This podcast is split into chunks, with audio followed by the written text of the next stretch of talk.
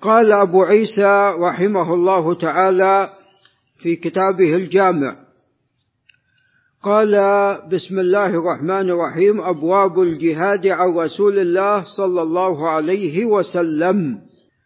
قال باب ما جاء في أهل العذر في القعود وأن أهل الأعذار معذورين. نعم. وهو من كان به عذر من الخروج في الجهاد. قال حدثنا نصر بن علي الجهضمي البصري وهو ثقة جليل توفي عن خمسين ومائتين. قال حدثنا المعتمر بن سليمان بن طوخان وهو ثقة جليل توفي عام سبعة وثمانين ومائة. قال عن أبيه سليمان بن طوخان التيمي وقد توفي عام ثلاثة وأربعين ومائة أو سبعة وأربعين.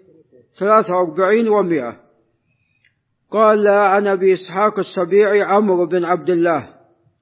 وتوفي عام تسعة وعشرين أو سبعة وعشرين ومائة قال عن البراء بن عازب رضي الله عنهما أن رسول الله صلى الله عليه وسلم قال إيتوني بالكتف أو اللوح حتى يملي ما نزل عليه من القرآن العظيم. لا يستوي القاعدون من المؤمنين غير أولي الضرر. قال وعمر ابن أم مكتوم خلف ظهره فقال هل لي رخصة؟ لأنه كان أعمى رضي الله عنه. فنزلت غير أولي الضرر. إذا له رخصة. قال وفي الباب عن ابن عباس وجابر وزيد بن ثابت رضي الله تعالى عنهم. قال هذا حديث حسن صحيح غريب. فهو غريب من حديث التيمي. قال من حديث سليمان التيمي عن أبي إسحاق وقد روى شعبة والثوري عن أبي إسحاق هذا الحديث.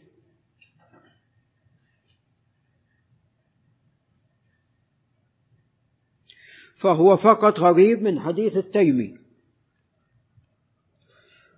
وقد خرجه البخاري من حديث شعبة ومن حديث إسرائيل عن أبي إسحاق به وخرجه مسلم من طريق شعبة ومسعر به.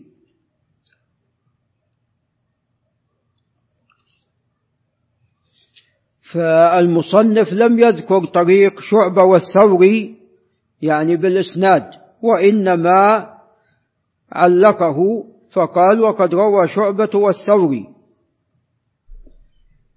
وإنما ذكر طريق سليمان بن طرخان التيمي التي فيها غرابة. فهو يذكر ما هو غريب يذكر ما هو معلول يبدأ به ثم يشير إلى الصحيح. أو يذكر الصحيح ثم يذكر ما هو أصح. كما ذكر هنا. نعم. فطريق سليمان التيمي صحيحة مع الغرابة كما قال أبو عيسى حسن صحيح غريب. عليكم السلام.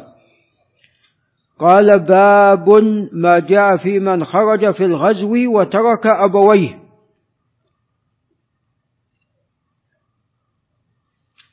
أي ما حكمه؟ وهذا فيه تفصيل. إن كان الجهاد فرض عين وذلك كان يهاجم العدو بلاد الإسلام. فهنا نعم يجب عليه أن يخرج.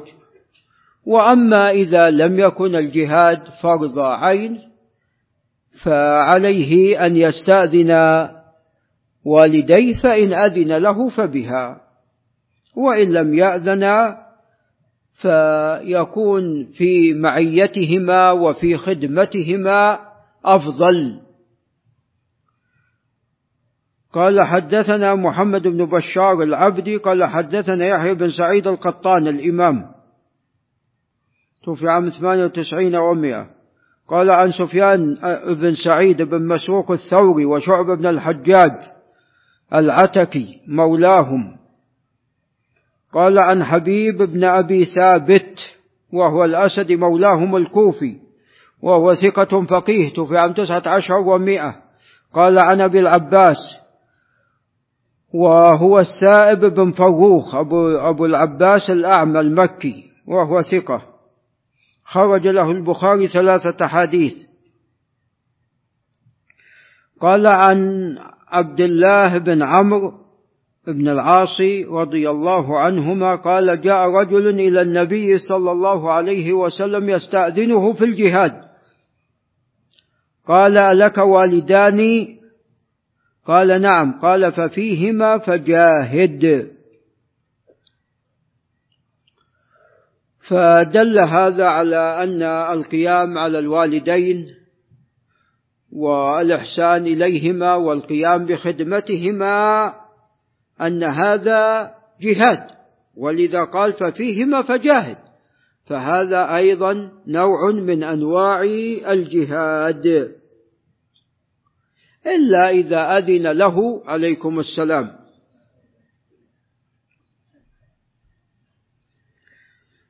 قال أبو عيسى هذا حديث حسن صحيح. ونذهب إلى ما ذهب إليه أبو عيسى وقد خرجه الشيخان. قال وأبو العباس هو الشاعر الأعمى المكي واسمه السائب بن فروخ. قال باب ما جاء في الرجل يبعث سرية وحده.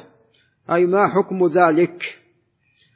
لأنه جاء جاء النهي عن السفر لوحده. نعم. وعن أن يكون الإنسان لوحده نهى عن الوحدة. نعم. ولكن للضرورة أو للحاجة أحكام ففي مثل هذا لا بأس جاءت السنة بذلك. قال حدثنا محمد بن يحيى الذهلي الحافظ توفي عام 58 و200 قال حدثنا الحجاج بن محمد وهو المصيصي المعروف بالأعور وهو ثقة ثبت.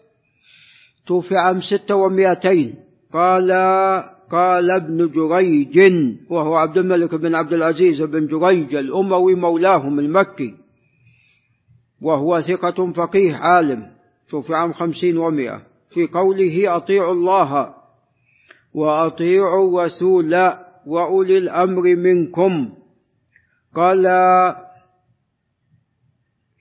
عبد الله بن حذافة بن قيس بن عدي السهمي بعثه رسول الله صلى الله عليه وسلم سرية يعني لوحده. وفي بعض نسخ الترمذي بعثه في سرية.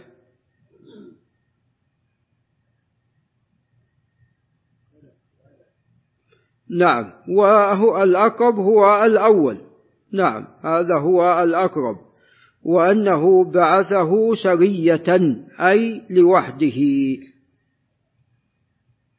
على سرية أو في سرية لا يكون يعني فيها موضع الاستدلال كما بوب عليه أبو عيسى. طبعا في رواية الصحيحين في سرية.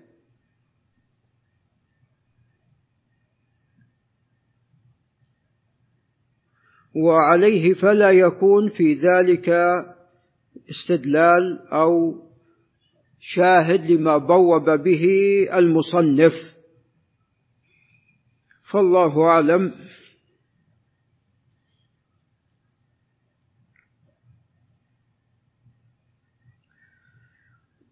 قال أخبرنيه يعلى بن مسلم وهو بن هرمز المكي وهو ثقة. عن سعيد بن جبير الأسدي عن ابن عباس رضي الله عنهما. قال هذا حديث حسن صحيح غريب. لا نعرفه لا نعرفه إلا من حديث ابن جريج وقد خرجه الشيخان من طرق عن حجاج به. وعندهم كما تقدم في سرية.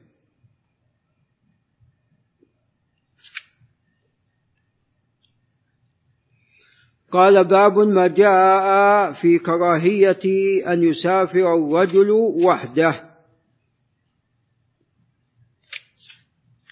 طبعا في سرية يعني أو عفوا بعثه سرية قد يكون في إرساله إلى إلى كسرى في حمل رسالة الرسول صلى الله عليه وسلم. لأن أرسله عليه الصلاة والسلام إلى كسرى. فقد يكون هذا هو المقصود. قد يكون والله أعلم هذا هو المقصود.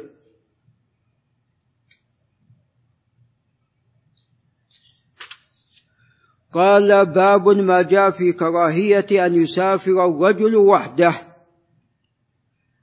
فالأصل عدم سفر الإنسان لوحده هذا هو الأصل.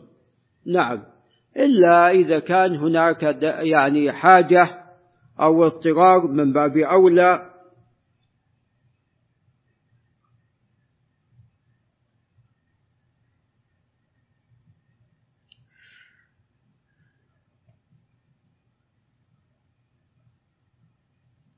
وقد بعث عليه الصلاة والسلام الزبير بن العوام في غزوة الخندق وحده ليأتيه بخبر القوم.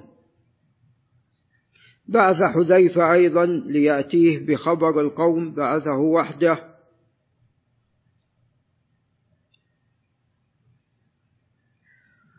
قال حدثنا أحمد بن عبدة الضبي البصري. وهو ثقة في عام خمسة وأربعين ومائتين. قال حدثنا سفيان بن عيينة نابي عمران الهلال المكي.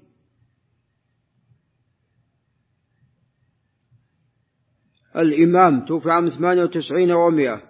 قال عن عاصم بن محمد بن زيد بن عبد الله بن عمر بن الخطاب وهو ثقة. عن أبيه محمد بن زيد بن عبد الله بن عمر بن الخطاب وهو ثقة. عن ابن عمر رضي الله تعالى عنهما أن رسول الله صلى الله عليه وسلم قال لو أن الناس يعلمون ما أعلم من الوحدة ما سار راكب بليل يعني وحده. وذلك أن يعني إذا كان الإنسان لوحده يخشى عليه أن يهجم نعم عليه العدو أو حيوان مفترس أو يستوحش لكونه لوحده بخلاف عندما يكون هناك ثلاثة وهم الركب فأحدهم يستأنس بالآخر أو بعضهم يستأنس بالبعض الآخر وبعضهم يعين البعض الآخر نعم. فالأصل عدم الوحدة إلا إذا كان هناك كما تقدم حاجة وداعي إلى ذلك. وفي صحيح البخاري لو يعلم الناس ما في الوحدة. نعم. فهذا هو الأصل النهي عن الوحدة. قال طبعا حديث ابن عمر صحيح سوف يأتي الحكم عليه. قال حدثنا إسحاق بن موسى الخطم الأنصاري وهو ثقة فقيه لأنه تولى القضاء وفي زمنهم يعني من يتولى القضاء لا بد أن يكون فقيها. قال حدثنا معن بن عيسى القزاز وهو ثقة في عام 98 ومئة قال حدثنا مالك وهو بن أنس بن أبي عامر الأصبحي.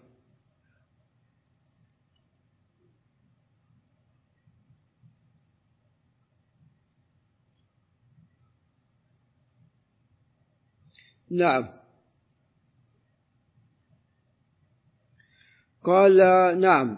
قال عن عبد الرحمن قال عن عبد الرحمن بن حرملة. وعبد الرحمن بن حرملة لا بأس به حسن الحديث ليس بالمتقن. قال عن عمرو بن شعيب بن محمد بن عبد الله بن عمرو بن العاص وهو صدوق. قال عن أبيه شعيب بن محمد وهو أيضا صدوق. قال عن جده عبد الله بن عمرو بن العاص أن الرسول صلى الله عليه وسلم قال راكب شيطان والراكبان شيطانان والثلاثة ركب.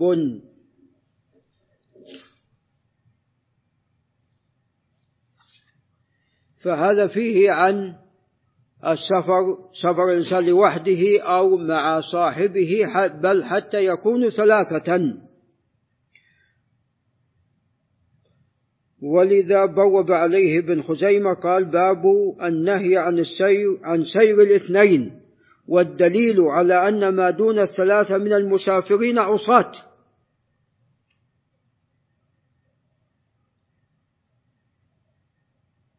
وبوب البخاري على باب السير وحده وذكر قصة الزبير بن العوام رضي الله تعالى عنه. قال حديث ابن عمر حديث حسن صحيح لا نعرفه إلا من هذا الوجه من حديث عاصم.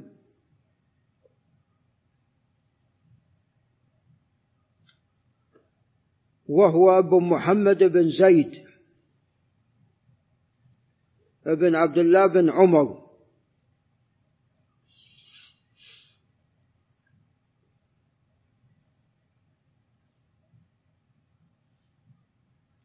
قال ابن حجر على قول بعيسى لا نعرفه إلا من هذا الوجه قال وفيه نظر لأن عمر بن محمد وهو أخو عاصم قد رواه معه عن أبيه أخرجه النسائي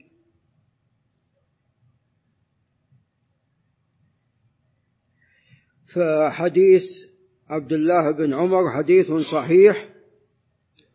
رحمك الله. وقد خرجه البخاري في الصحيح. ثم جاء إلى الحكم على حديث عبد الله بن عمرو. فقال وحديث عبد الله بن عمرو أحسن. طبعا وهكذا في طبعة التأصيل ودار السلام. وأما في التحفة فقال حسن.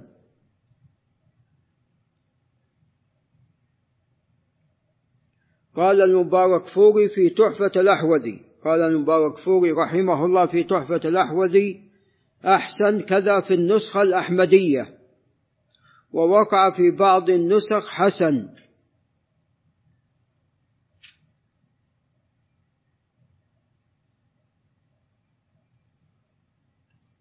قال وهو الظاهر بل هو الصحيح. وأحسن لها وجه والله أعلم. وأما حسن فمعلوم. فأحسن قد يكون يعني أحسن في بيان حكم هذه المسألة. لأن في حديث ابن عمر هو لا شك أصح. لا يقصد المصنف والله أعلم أن حديث عبد الله بن عمرو أحسن منه صحة. لا لأن حديث ابن عمر صح من حديث عبد الله بن عمرو. وإنما لعله يقصد والله أعلم يعني في بيان حكم هذه المسألة. لأن في حديث ابن عمر لو أن الناس يعلمون ما أعلم من الوحدة ما سار راكب بليل. في حديث عبد الله بن عمرو أصرح الراكب شيطان الراكبان شيطانان والثلاثة ركب. ففيه التفصيل وفيه البيان أكثر. فلعل من هذا الباب قال أحسن يعني في بيان. حكم هذه المسألة وأن حتى الراكبان يعني أيضا قد جاء ذم ذمهما في حال سفرهما لوحدهما بخلاف الثلاثة. وهذا ليس في حديث ابن عمر وإنما حديث ابن عمر فيه الوحدة. نعم يعني لوحده.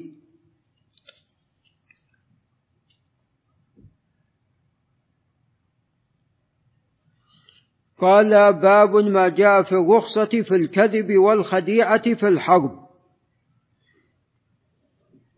فعلم أن الكذب والخديعة الأصل أنهما لا يجوزان ولكن في الحرب لا بأس. وأيضا الكذب رخص أيضا فيه في كذب الإنسان على زوجته أو الزوجة على زوجها. كما في مسلم. نعم. وأيضا من أجل الإصلاح بين الناس. نعم. يعني شخصين بينهما خصومة فتقول لأحدهما فلان يثني عليك. أي اللي خاصمة. وتأتي للثاني أو للآخر وتقول ترى فلان يثني عليك من أجل أن تزيل ما بينهما حتى يصطلحا. فمن أجل الإصلاح بين الناس لا بأس بذلك. والأمر الثالث وهو الذي بوب عليه المصنف في الحرب الحرب مع الكفار. فالحرب خدعة كما سوف يأتي في الحديث. وبسبب هذه الخدعة قد يحصل النصر أو الهزيمة. قال حدثنا أحمد بن منيع البغوي وهو من الحفاظ توفي عام 44 و200 ونصر بن علي الجهضمي. تقدم أنه أيضا ثقة توفي عام 250 و200 50 و200 قال حدثنا سفيان بن عيينة قال عن عمرو بن دينار الجمحي مولاهم المكي سمع جابر بن عبد الله رضي الله عنهما يقول قال رسول الله صلى الله عليه وسلم الحرب خدعة وخدعة.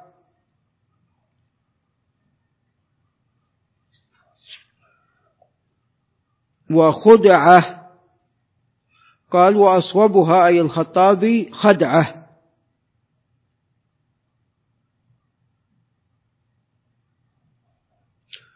قال معنى الخدعة أنها هي مرة واحدة أي إذا خدع المقاتل مرة واحدة لم يكن له إقالة.